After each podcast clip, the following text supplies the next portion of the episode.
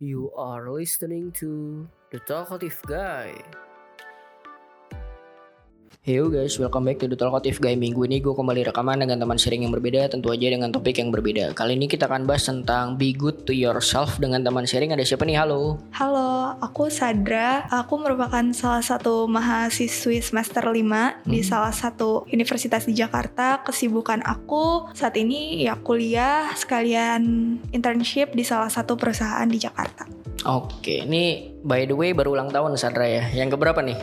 Ke-20. Oke, ke-20 Masih panjang perjalanan Nah aku pengen tahu dulu nih Kuliahnya jurusan apa Dan proses pemilihan kamu ke jurusan itu tuh kayak gimana sih ceritanya dulu? Aku kuliah jurusan ilmu komunikasi. Mm-mm.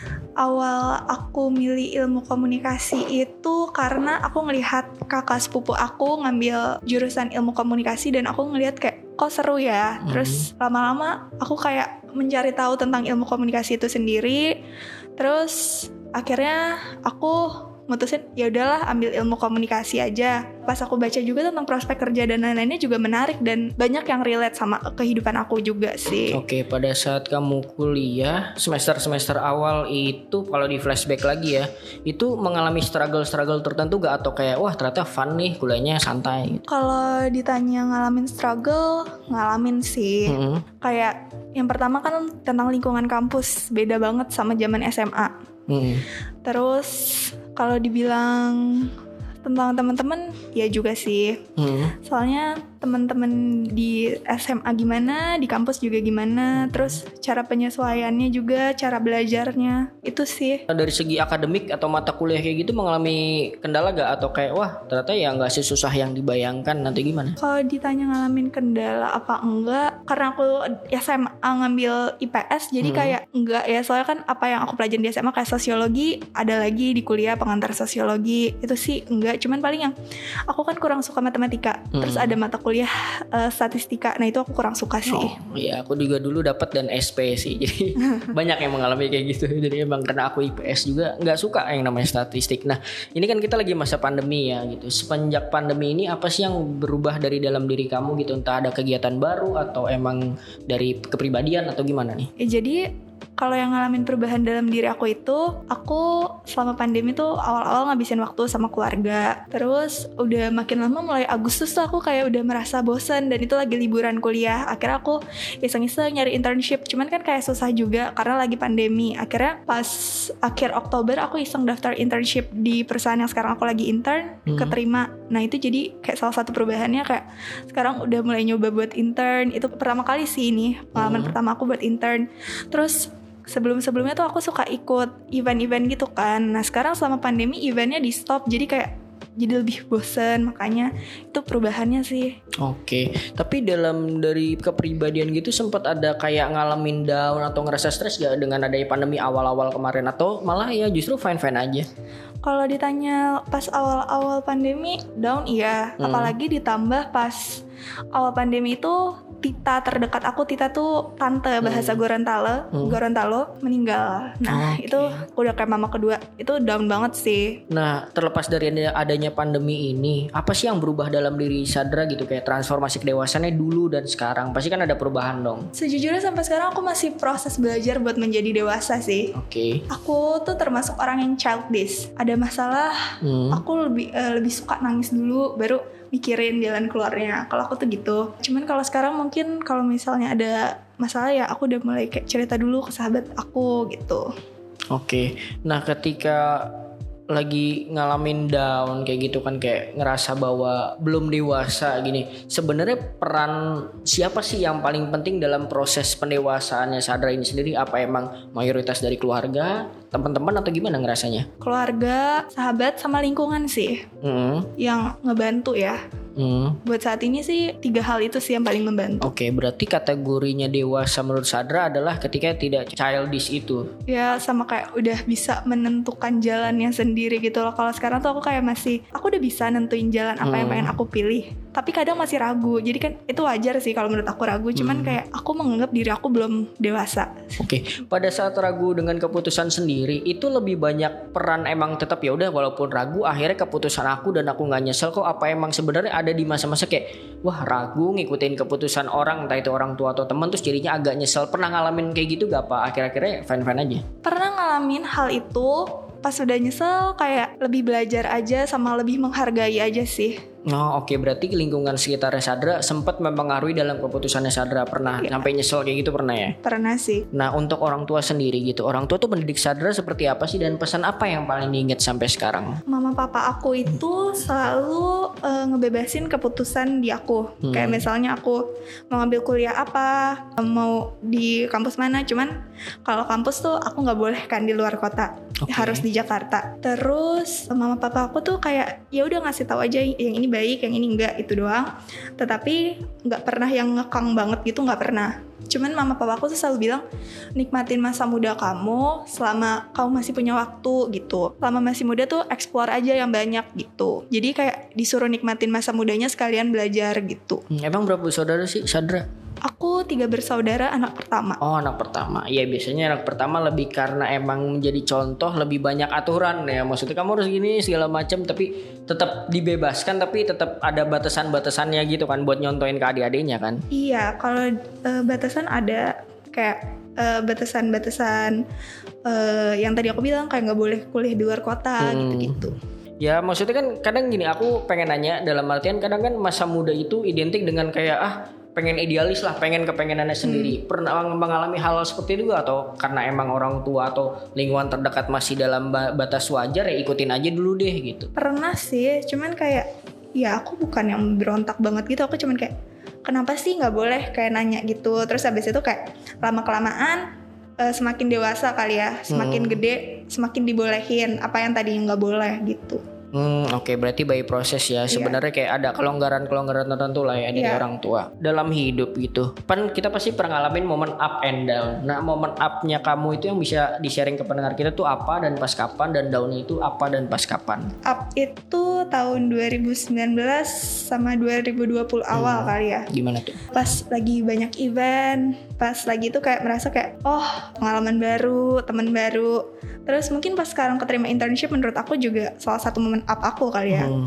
Kalau down aku yang aku bilang tadi pas 2020 itu salah satu tita aku meninggal itu itu down banget sih. Kayak kehilangan banget gitu. Hmm. Terus ketika kamu mengalami down dalam hidup gitu, gimana sih proses kamu biar bangkit atau misalkan ada orang yang kayak sedih-sedih dulu atau butuh pelarian atau gimana kalau sadar nih? Aku healingnya itu kayak berdasarkan waktu ya, jadi time healing Hmm. jatuhnya. Tapi aku juga nangis-nangis juga, terus curhat ke sahabat aku, udah sih itu doang.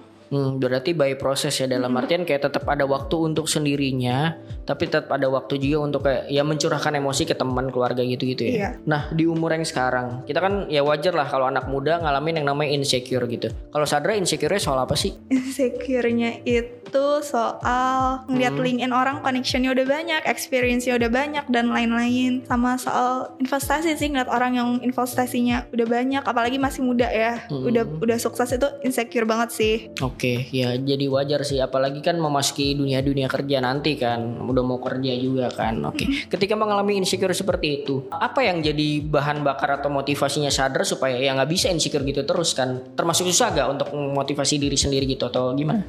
kayak kalau aku selalu bilang orang lain bisa kenapa gue nggak bisa aku selalu kayak gitu sih jadi kayak pas ngeliat teman-teman udah mulai magang nyari magang Hmm. terus awalnya mama aku sih kayak kamu daripada uangnya habis eh, nggak ada sisa atau habis nggak jelas mendingan kamu investasiin aja ke mana. Kayak beli emas atau beli saham atau apa gitu. Mamaku tuh yang selalu ngingetin kayak jangan boros. Jadi selalu kayak oh iya. Terus habis itu nggak lama teman-teman aku juga ya teman deket aku kayak udah mulai invest. Jadi aku kayak oh iya invest aja kali ya buat nanti masa tua atau nanti pas udah punya anak aku tuh nggak pengen nyusahin anak aku juga gitu Iya sih benar. Apalagi kalau kita udah bisa ngasilin duit sendiri, itulah maksudnya jebakannya boros enggaknya itu susah kan kontrolnya kan. Semakin kayak oh udah kerjaan nih kayak ya udahlah segini dulu nggak apa-apa lah nanti bisa nabungin nanti nanti ya. Cuman itu itu kan yang bahayanya. Tentang self love sendiri, Sadra kan pengen cerita nih. Apa sih yang mau disampaikan ke anak muda yang jadi pendengar podcast kita ini? self love itu jadi gimana kita menghargai diri kita terus mencintai diri kita kita terus nge-appreciate apa yang diri kita punya. Ketika dalam kuliah deh contohnya, self love seperti apa sih yang bisa kita aplikasikan semasa kuliah gitu oh, Pendengar kita kalau misalkan sama kuliah juga kayak sama Sadra nih. Mungkin lebih ke lo bodo amat dengan lingkungan sekitar kali ya pas di kuliah kayak lo lo gue gue gue mau gimana ya bodo amat gitu kali ya. Hmm, Oke. Okay. Nah, ketika dalam kuliah sendiri, kegiatan-kegiatan seperti apa sih yang dilakukan oleh Sadra yang berhubungan dengan self love atau pengembangan diri? Transformasinya aja kali ya. Boleh. Jadi SMA itu aku anaknya gak ikut ekskul apa-apa di sekolah. Oh, oke. Okay. Yang penting lulus ya. Iya. terus terus aku SMA lebih banyak main sih kalau hmm, jujur. Okay, gitu. um, kuliah juga aku juga nggak ikut apa-apa, tapi hmm. aku ikut kayak nyari kegiatan di luar kampus kayak ikut event, jadi panitia-panitia lah pokoknya hmm. kayak Jakarta Fashion Week, berdendang bergoyang gitu-gitu itu hmm. aku ikutin. Itu sih pengembangan diri terus habis itu dapat teman yang banyak lagi, hmm. dapat ilmu baru lagi gitu. Oke, okay, tapi selain pastinya ilmu dan koneksi gitu, apa sih yang dirasain dari kayak tadi lebih aktif dalam hal kuliah kayak tadi ikut ikut event-event seperti itu? Pengalaman sih, soalnya hmm. menurut aku pengalaman itu guru yang paling berharga.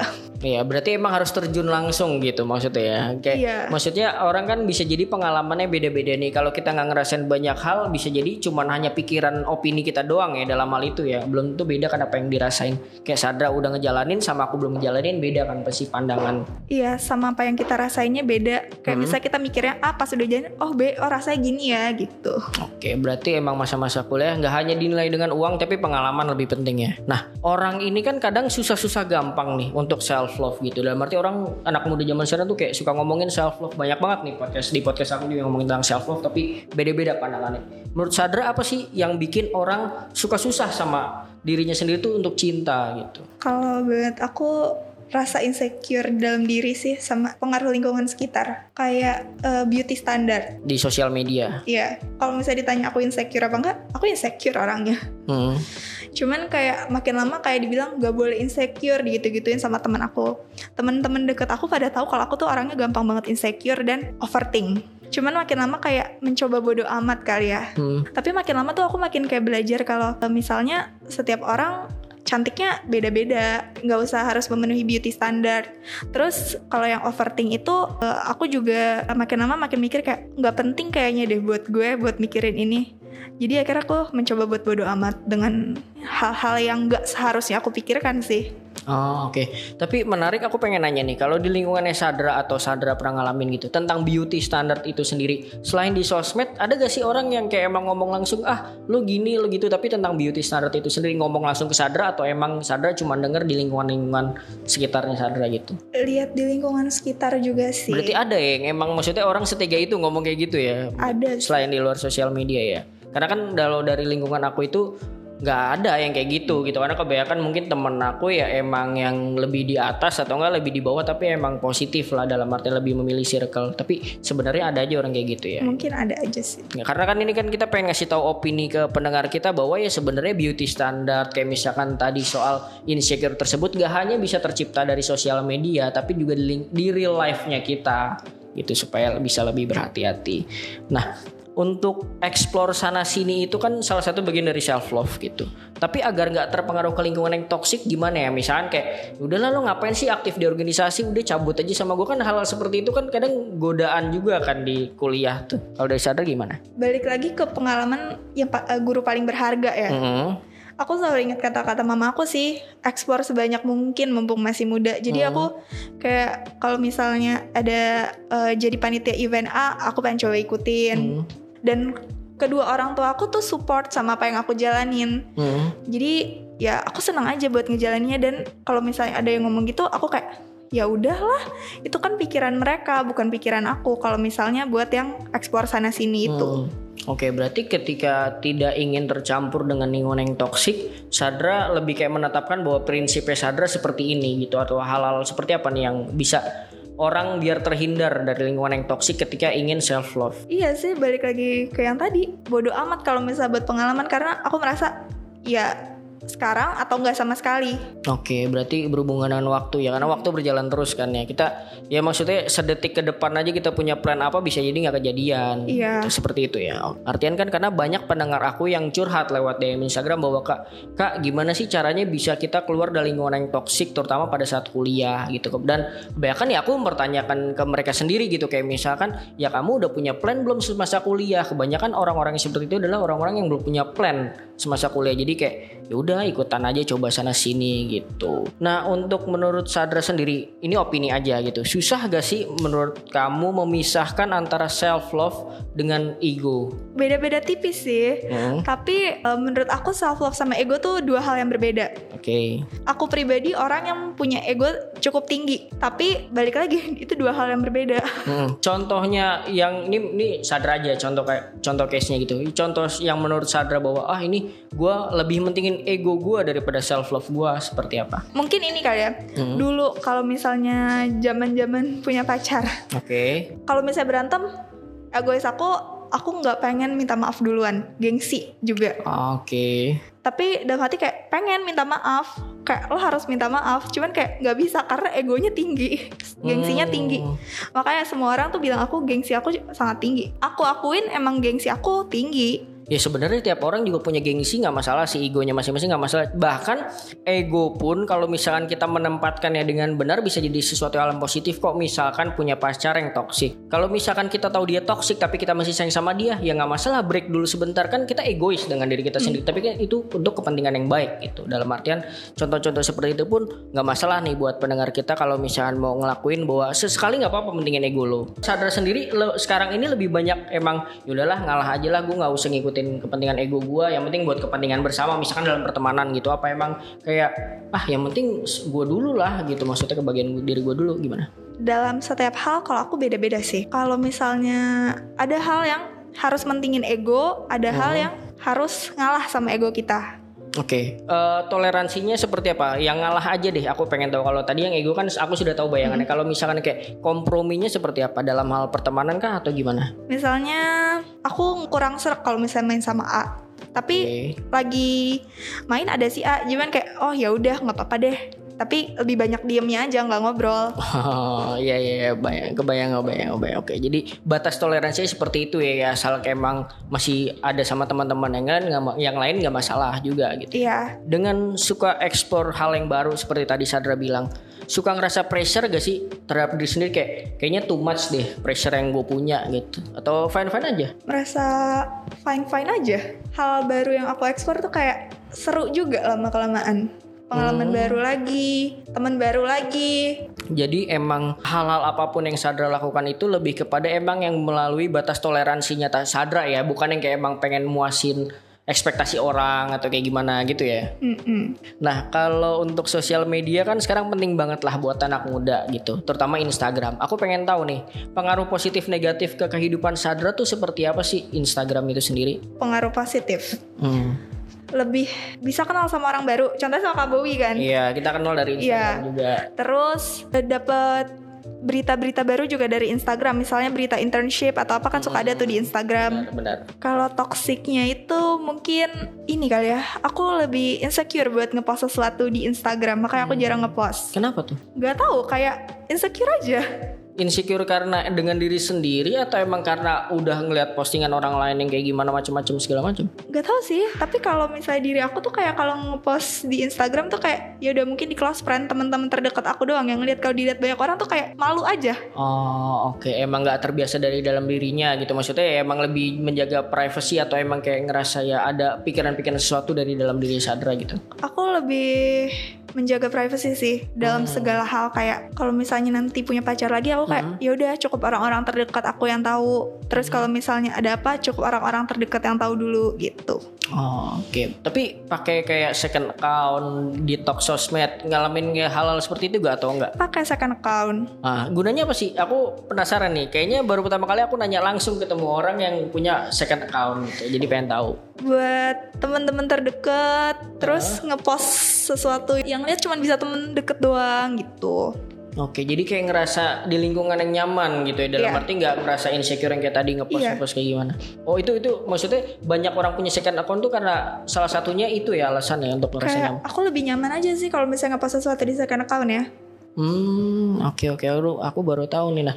Selain itu kayak pernah gak sih dalam hal di sosial media itu sendiri atau dalam dunia nyata kayak ngerasa bahwa ngalamin yang mesti ah gue rehat dulu lah sosial media atau gue nggak megang HP dulu lah gitu karena suatu hal gitu. Pernah, lagi pengen nyoba aja. Oh lagi pengen nyoba dan hasilnya gimana? Maksudnya betah gak? Aku itu buat Instagram ya, Mm-mm. aku set timer. Oh, jadi gimana tuh maksudnya? Jadi di HP Instagram tuh aku cuma bisa buka dalam wak- eh, waktu 4 jam. Jadi kalau misalnya udah lebih dari 4 jam, udah aku nggak tambahin lagi timernya, pakai screen time. Oh membatasi, berarti membatasi penggunaan sosial media biar tadi nggak toxic seperti itu ya. Iya. Nah ini yang terakhir nih aku pengen nanya ke Sadra nih. Dalam tiga tahun ke depan plannya apa sih? Kan bentar lagi mau lulus kuliah nih. Misalkan mau kerja apa, mau bisnis atau apa gitu. Silakan cerita. Insya Allah lulus S1 bentar lagi. Amin. Terus kerja di tempat yang bagus. Amin. Pengennya di Shopee, Tokped gitu-gitu. Hmm, sebagai apa pengennya? Pengennya di marketing kali ya. Oke. Terus aku pengen punya bisnis juga, Bisnis apa tuh? clothing brand pengennya sih. Hmm. Atau enggak aku pengen punya bisnis salon karena aku suka banget sama nyalon. Oh oke. Biar nggak ribet ya. iya kayak aku suka banget sih sama nyalon. Makanya aku kayak pengen bercita-cita pengen punya salon sendiri. Hmm, tapi yang pengen dilakukan setelah kuliah kerja kantoran dulu atau bisnis dulu tadi? Kerja kantoran dulu, mencoba lagi tapi versi full time, bukan versi internship. Hmm, tapi pernah gak sih kebayang oleh Sadra gitu kayak beberapa tahun ke depan misalkan kayak udah tiga tahun kerja lah gitu, udah dalam kondisi yang nyaman gitu kerja. Kayak kalau misalkan disuruh milih setelah udah punya duit, udah punya koneksi yang oke, akan lebih milih selamanya kerja kantoran yang seperti itu atau kayak udah nggak usah kerja lah, bisnis aja ngebangun Bisnis. semua sendiri, bisnis sendiri. Itu kenapa tuh? Karena emang suka dari dalam sendiri atau kayak bisa kan kayak aku punya bisnis tapi gara-gara orang tua juga ngajarin gitu. Kalau Sadra gimana nih? Jadi aku ngeliat keluarga aku yang beberapa punya bisnis itu tuh kayak lebih seru aja. Terus habis itu karena kita punya bisnis, mungkin kalau misalnya kan aku perempuan, mungkin lebih waktunya juga bisa dikerja dari rumah lebih fleksibel. Nanti kalau misalnya udah nikah udah punya anak kayak ya lebih fleksibel aja waktunya bisa sambil ngurus anak gitu loh.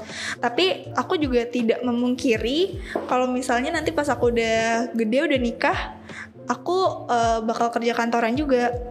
Jadi Oh, bisa kerja oke. dua-duanya. Oke oke paham. Tapi ya kan kita realistis aja dalam hidup kan nggak semua plan kadang berjalan dengan sesuai rencana gitu. Misalkan amit-amit sih gitu. Kayak kamu nggak bisa kerja di tempat yang kamu inginin. Maksudnya perusahaan-perusahaan oke lah. Kamu akan menurunkan standar kamu bahwa ya udahlah yang penting kerja dulu. Apa emang malah nyoba ngerintis bisnis deh? Eh, bakal coba ngerintis bisnis sih. Oh, Tapi kalau misalnya enggak, aku pengen lanjut S2 dulu. S2 di luar negeri. oh, amin amin. Itu kenapa tuh? Biar apa tuh ngambil S2? Pengen biar lebih nambah lagi ilmunya. Hmm. Aku pengen S2 di luar tuh pengen ngerasain yang beda aja gitu loh. Kayak kan udah pernah nih S1 di Indo, pengen aja S2 di luar gitu. Oke, amin amin. Nah ini sebelum kita udahan, aku terpikirkan satu pertanyaan lagi. Kalau bisa balik ke masa lalu, ada yang pengen diubah gak sama Sadra? Kayaknya nggak ada deh. Nggak ada. Itu. Jadi so far ya puas-puas aja dengan apa yang Sadra jalanin selama ini di dalam hidup. Karena aku percaya everything happens for a reason. Nah, oke itu jadi quotes yang bagus di penutup podcast kita. Jadi sebelum itu dipromot dulu Instagramnya Sadra. Siapa tahu ada yang mau sekedar tahu lah dengan Sadra. Boleh kan ya? Boleh, boleh. Oke, silakan. Instagram aku Sadra KHLT. Oke, jadi thank you banget nih Sadra udah main-main dan ngobrol bareng di podcast aku. Semoga sukses selalu ya. Amin, makasih ya kak. Thank you juga. Ini disclaimer lagi buat pendengar kita adalah ini hanya opini dan pengalaman kita berdua. Jadi bukan bermaksud menggurui atau kayak gimana gitu. Jadi diambil-ambil yang baiknya aja lah yang cocok buat pendengar kita kali ini, oke? Oke, Sip. Jadi thank you guys yang udah dengerin episode kali ini. Sampai ketemu minggu depan. Bye-bye. bye.